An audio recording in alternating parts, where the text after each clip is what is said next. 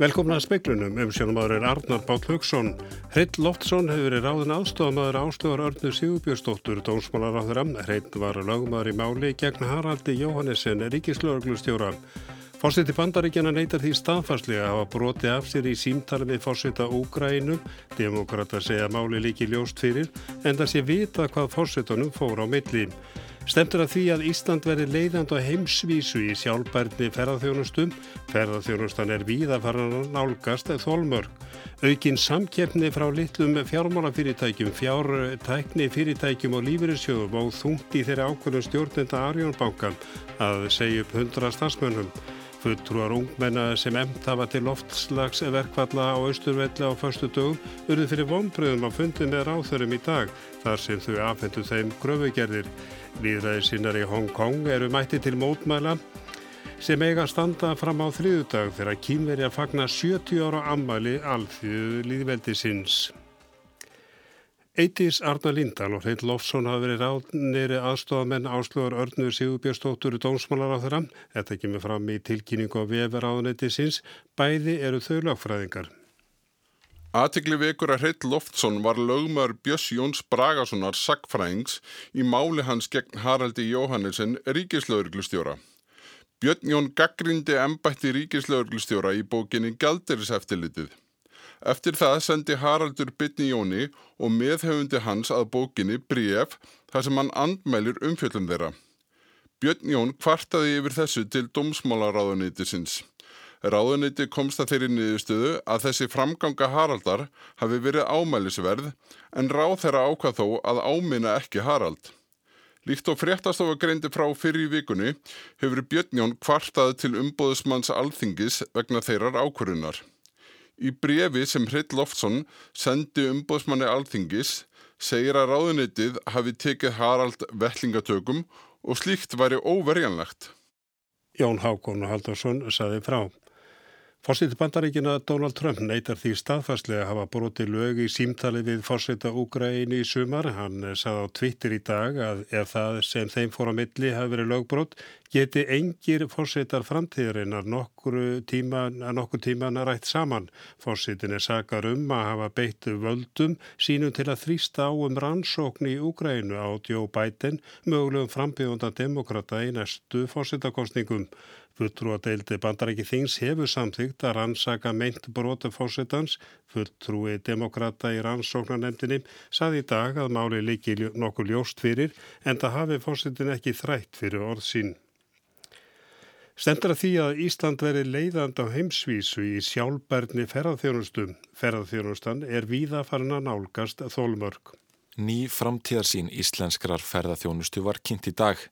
Hún er samstarfsverkefni ráðuneytis ferðamála, samtaka ferðaþjónustunnar og sambands íslenskra sveitarfélaga.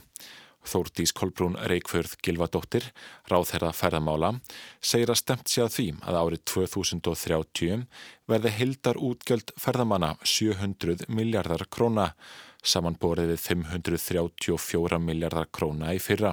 Niðurstaðan er að við ætlum að, ætlum að vera leiðandi í sjálfbæri hérna, ferðarþjónustu og um, við erum að leggja rauninni meiri áherslu á núna heldur en kannski hefur gert svona allavega alveg opið og skrifað út að arðsemi greinarinnar skiptir mjög miklu máli. Í dag var einnig kynnt nýtt stjórntæki í íslenskri ferðarþjónustu, Jafnvægis ás ferðamála. Jafnvægis ásinn sínir að núverandi ástand sé á heldina litið fara að nálgast tólmörk, þar á meðal ástandið á vegum landsins.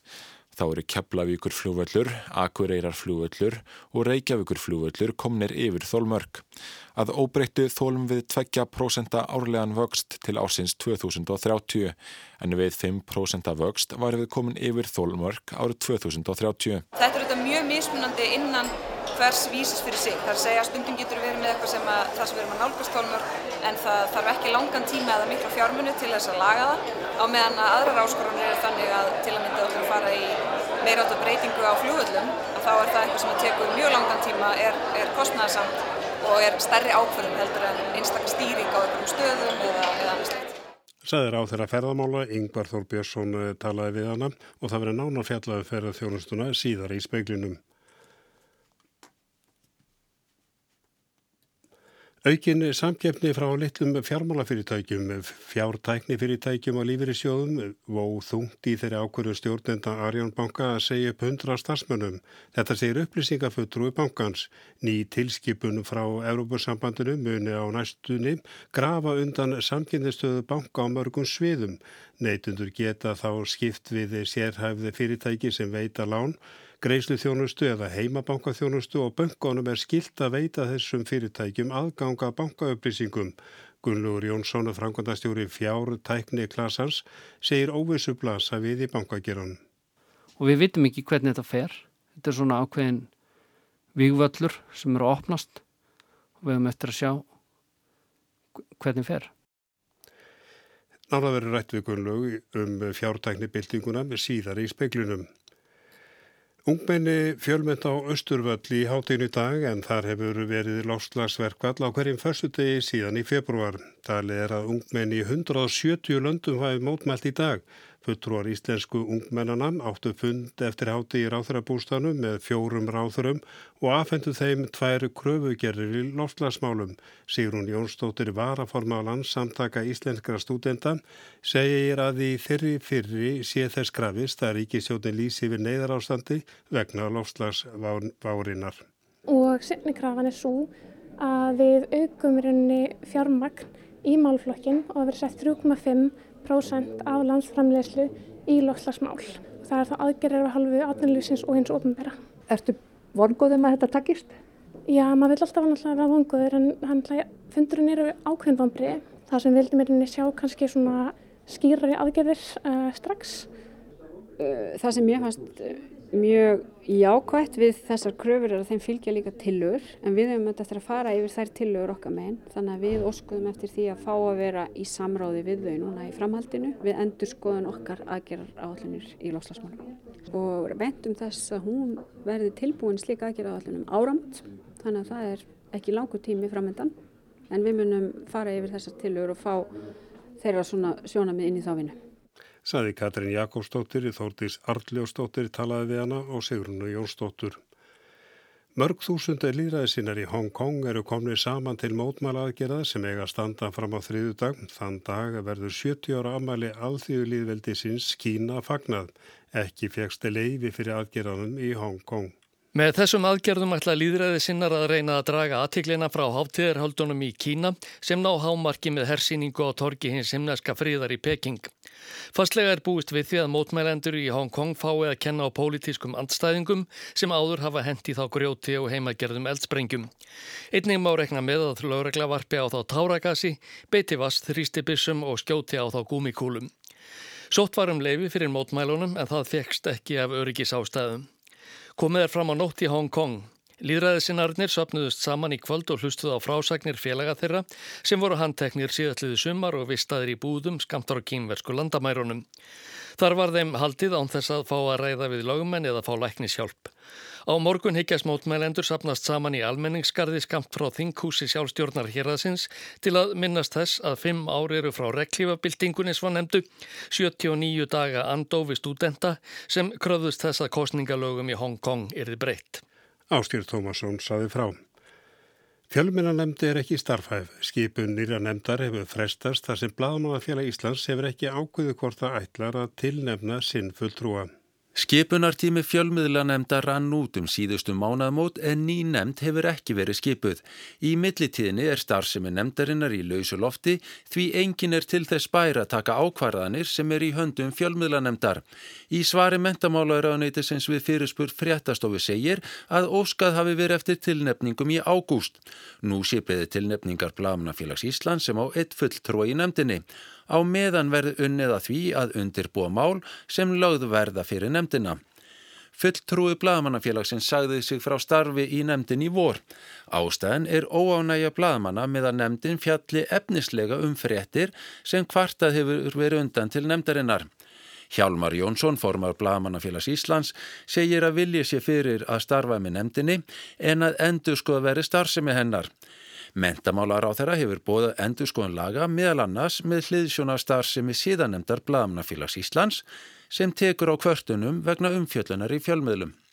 Brynjólur Þóru Guðmursson sagði frá.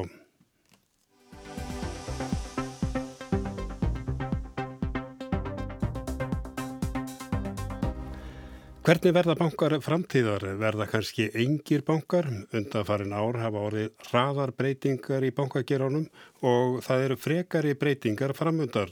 Breytingar sem áttu þátt í því að hundra starfsmunum var sagt upp í Arjónbanka í gerð. Arjónbanki réðst í gæri mestu fjölda uppsagnir sem Íslandst fjármálafyrirtæki hefur ráðist í frá hruni. Í tilkynningu frá bankanum voru ástæður þess að taldar upp og meðalans minnst á stór aukna samkeppni á fjármálamarkaði, til dæmis frá lífeyrisjóðum fjártækni fyrirtækjum og minni fjármálafyrirtækjum. Haraldur Guðni Eðsson, forstuðumæður samskiptasviðisbankans, segir í samtali við speilin ljóst að aukinn samkeppni frá þessum fyrirtækjum hafi vegið þungt og verið einn af dreifkröftunum á bakvið þá ákvörðum bankans að segja upp fólki og breyta skipulagi. Í kvítbókum framtíðar sín fyrir fjármálakerfið frá árinu 2018 er lögð áhersla á að hefðbunir viðskiptabankar þurfi að endur hugsa þjónustu og viðskiptalíkon sín til að viðhalda starfsemisinni. Að öðrum kosti fyrir síðan þeir muni eiga svo kallað Kodak-moment en hugtakið sem var fyrir um áratug notað um sérstaklega tilkomu mikið augnablík sem var vel þess við að festa á filmu hefur í síöknum mæli verið notað um farsæl fyrirtæki sem halda ekki í við þróun á markaði. Haldi fjármálafyrirtæki ekki í við þróun á markaði þá má gera ráð fyrir að stór hluti af þeirri þjónustu sem þau veita í dag verði yfir tekin af samkeppni úr nýjum áttum. Það er fjártækni bylting í aðsíi, bylting sem á eftir að hafa djúbstæð áhrif á bankastarfsemi. Sjálfvirknivæðing og stafrænar lausnir eiga auðvelda böngum að minka rekstararkostnað og bjóða betri kjör en sumarbreytingarna knýja þá til að aðlagast. Og hér verður fjallaði meina slíka.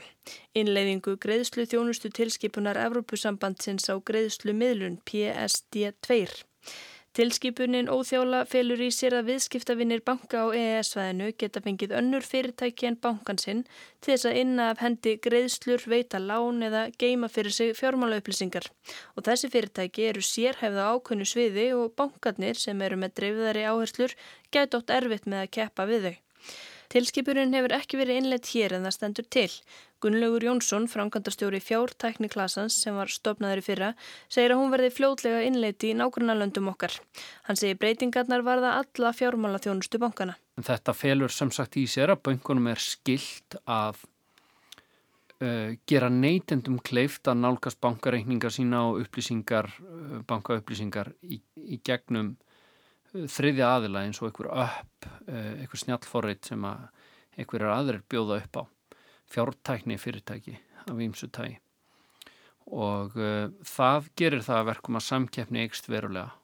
Bankandi verða meira eins og grunn fyrirtæki sem að veita fjármagn á meðan uh, það getur orðið veruleg fjölbreytni í íminnskonar eh, fjármála þjónustu sem að nýtir þetta fjármakt svo dæmis er tekið og nýtir bankareikningana inn í á bankunum.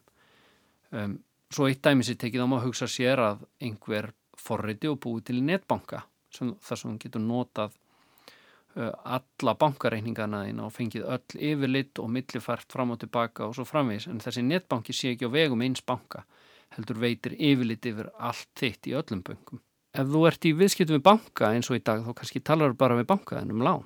En þarna inn á ákveðnum vettvangi þar sem þú ert búin að sapna saman öllum bankaupplýsingum þar, þar ertu í viðskiptum við eitthvað fyrirtæki sem gefur sig út fyrir að huga, hug, hugsa um þinn hag og finna bestu tilbóð fyrir þig hvar sem þau kunna að vera og það er tiltrúlega líklegt að samkjæmnin muni þá aukast í því umhverfi og það mun ógna bönkunum. Nú felur þetta í sig mjög mikla breytingar fyrir uh, íslenska banka, viðskiptabankana þrjá.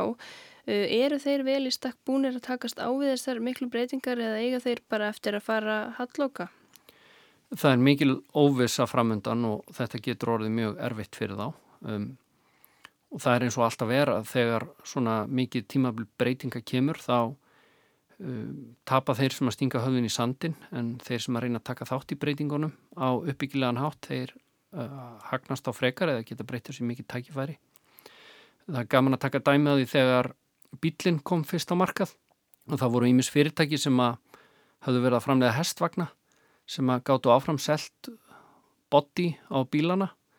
Það voru fyrirtæki sem framleitu dekk á hestvagna sem fóru þá að framlega dekk á bíla og það er frækt að þeir sem að framleitu svipur þeir, þeir eruðu gjaldróta eða, eða heldur ekki rekstri áfram. Þannig að það skiptir máli að vera með á nótunum og finna hvað maður hefur fram að færa í hennu nýja umhverfi. Og bankarnir eru í rauninni með því að vera nú þegar að veita fjármála þjónustu þá eru þeir nú þegar að mörgu leiti í góðri aðstöðu til þess. Hins vegar eru þeir dáltið floknarskeppnur venns að, að veita margskonar þjónustu. Þeir eru þeir búa að, að þeir eru svona með ákveðin fortíðar vanda ef ég má nota það orð og það sé kannski aðeins ónákvæmt vegna þess að þeir eru með yfirbyggingu sem er frá eldri tíð og tekur á doldin tíma að byggja hlutin upp á nýtt. Og það kann að vera lítil sprækar í ný fyrirtæki muni gera þeim skráfeifu Gunnlaugur býst við aukinni alþjóðlegri samkeppni, múrar á milli landa verði brotnir niður. Bankar verði ekki skilgrindir eftir svæðum svo sem sem sænskir eða íslenskir heldur eftir tegundum þjónustu. Og ég held að í því felist mögulega tækifæri fyrir íslenska banka að finna einhvers konar sillur, eitthvað sem þeir eru góðir í eða geta orðið góðir í eða fundi einhvers konar samleið með íslenskri fjártækni sem að sækir þá áfram almennt á fjármálumarkaðunum sem svona hefur þá opnast á milli landa og, og gera sér uh, já þeir getur gert sér einhvern veginn mat úr því.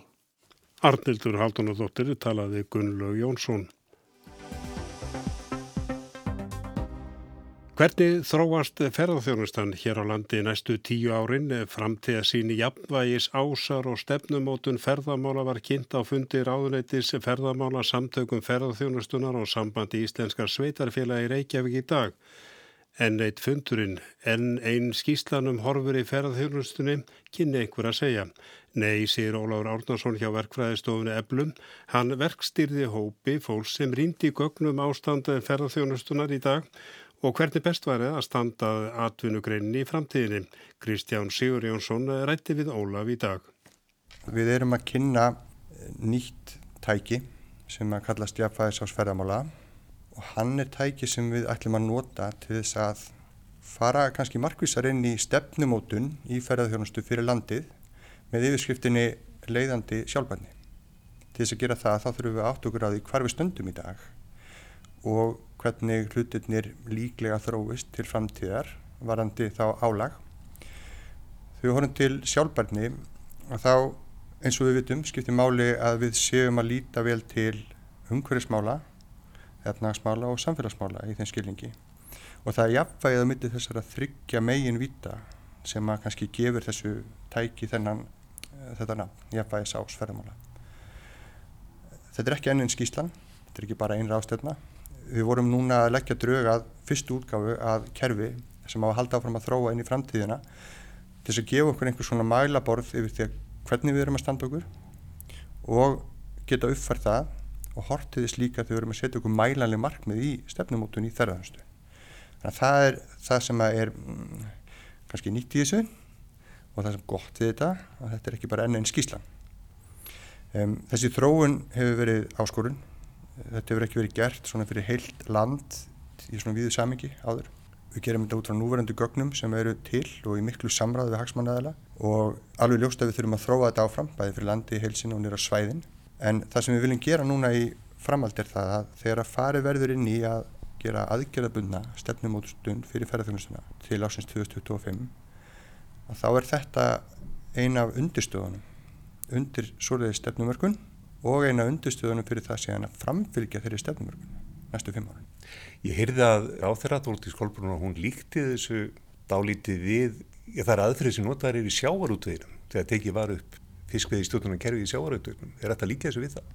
Já, að mörgu leiti þá er þetta að finna hliðstæður á milli þessa kerfi sem við erum að hanna núna og, og þá sjávarútvegskerfisins. Það er einhverju leiti floknara og nú veit ég ekki hvort að sérfræðingar séu saman að meira en um, fiskifræðingar segja það er allavega þannig að við erum með þessu að átt okkur á stopnunum og ástandi hans. Við erum átt okkur á innviðunum okkar og ástandi þeirra umhverjum okkar ástandi þeirra og samfélagsins. Það gefur okkur betri hugmyndu um það hvað við getum gert þegar við förum í það að segja já, ætlum við að stefna í fjölgun ferðamanna, þólum við það? Og ef við förum í það, hvað þurfum við þá að gera? Eða ætlum við hreinlega að fara í það að draga úr eða stýra eða bæta frekar verðmætasköpun heldur en að auka við. Þannig að já, að þessu leiti þá er þetta mjög hliðstætt því sem að var gert þegar fiskveiðstjórnarkerfi var sett á. Það er önnur samlíking líka sem er ágætt á milli þessar að tveggja og það er það að þegar við fórum í fiskveiðstjórnarkerfið þá tók það okkur 10-15 ár að gera það kerfi gott. Hægt og rólega þróðust við inn í betri þekkingu og betra kerfi og það sama við núna, við erum að taka fyrsta skrefið og við erum eftir að þróa þetta áfram líka á sambarlegan hátt. Mm. Það maður líka bætaði við að e, í fiskveðstjórnarkerfi þá var kannski einblind aldrei mikið á þennan hagranar hluta fyrst. Þessi hvernig erum við að hámarka ágúðan úr kerfinu.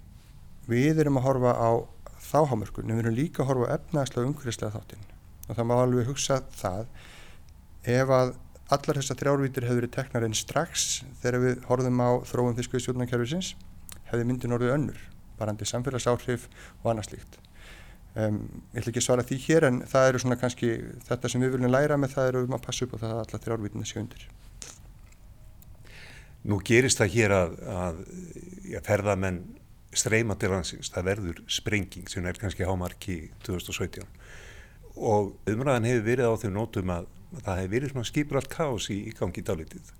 Er þetta, það sem þið voru að kynna núna í dag, er þetta svona fyrsta skrefið í að ná tökum á ferðarþjónustunni?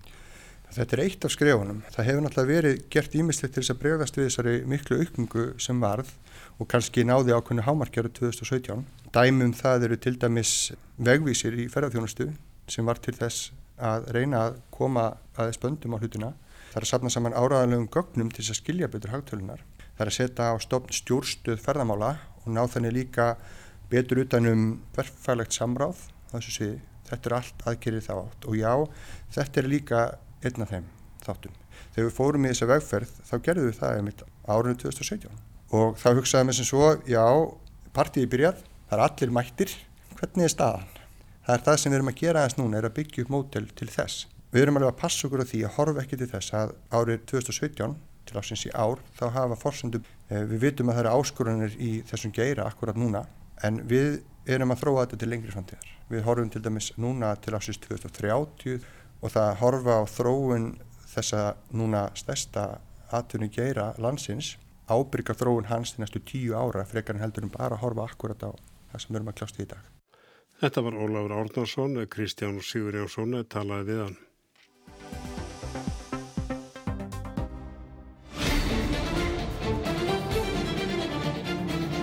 Tyrkneskir sjómarstættir fara sigur förum heiminn og eru orðnir einn helsta útflutningsvara landsins. Vinsældir draumasmiðjunar í Tyrklandi á heimsvísu nálgast nú ört Hollywood sem í áratugi hefur verið allsráðandi á markanum. Tyrkneskar sjómarserjur seljast sem aldrei fyrr og bandaríkin eru eina þjóðin sem selur meira af sjómarsefni í heiminum öllum. Áhörvendur í Rústlandi, Kína, Kóre og Rómönsku Ameríku gleipa í sig tyrkneskar þáttaraðir. Tíle er það land sem keift hefur flestar þáttaraðir en Mexiko og Argentína eru verðmættustu kaupendurnir.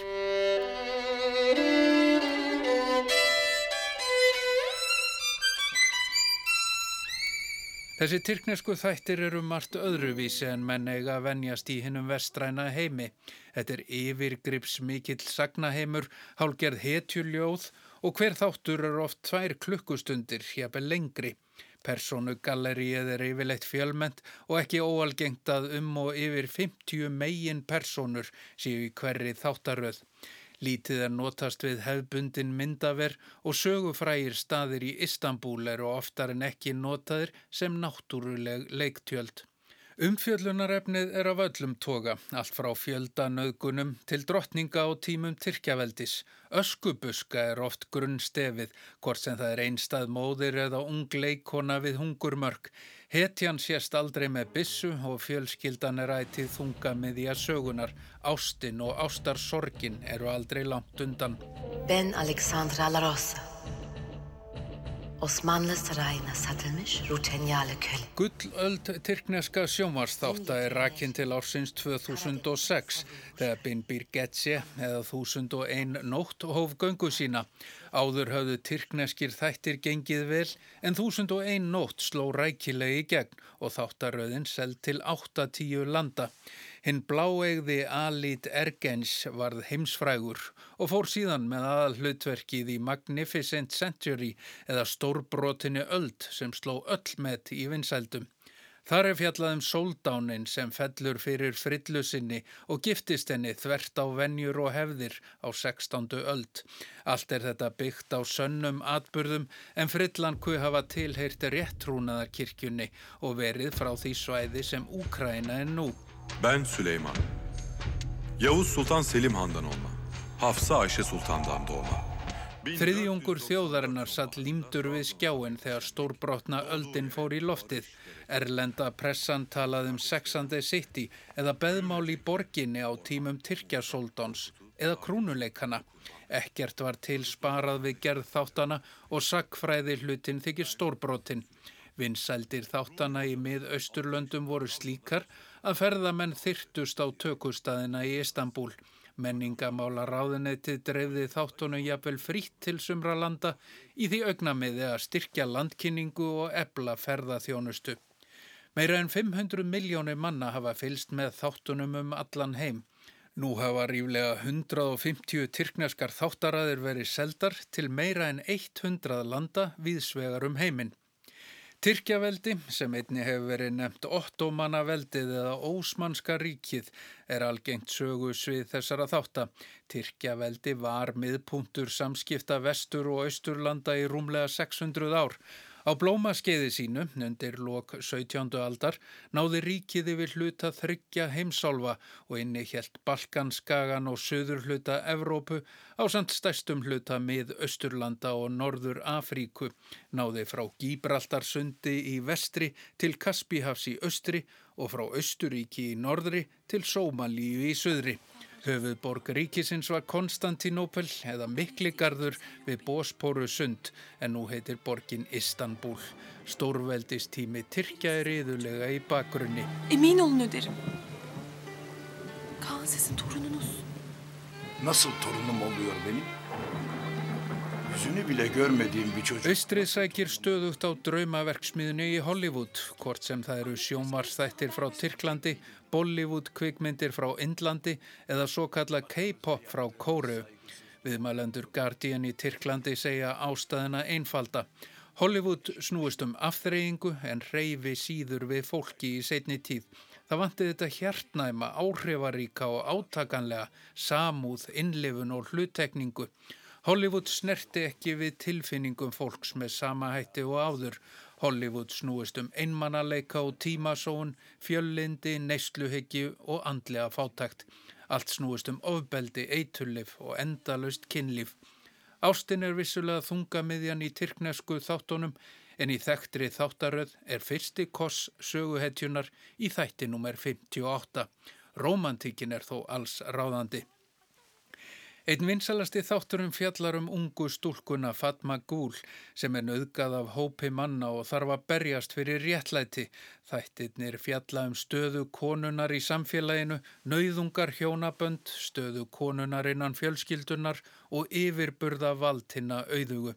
Stúlkan sigrast á endanum á öllum hindrunum með þrautsegju og baráttu. Hún brýst til menta og réttlæti sigrar að lokum. Hún öðlast réttlæti fyrir domstólum, hennir seku hljóta réttláta refsingu og að lokum fær hún að upplifa reyna og sanna ást. Þáttaröðin nýtur gríðarlegra vinsalda í löndum eins og Argentínu og Spáni. Umfjöllunarefni Tyrknesku þáttana er af öllum toga en þeir eiga það sammert að uppfylla langanir og þrár á sama tíma og fjallaður um mikilsverð málefni sem snerta fólk beint í hjarta stað. Hetjurnar eru ljúfmenni eins og þeir byrtast í draumum kvenna og stúlkurnar eru öskubuskur sem sigrast á erfileikunum og fá réttláta umbun að lokum. Draumadnir rætast í tyrknesku draumaverksmiðinni.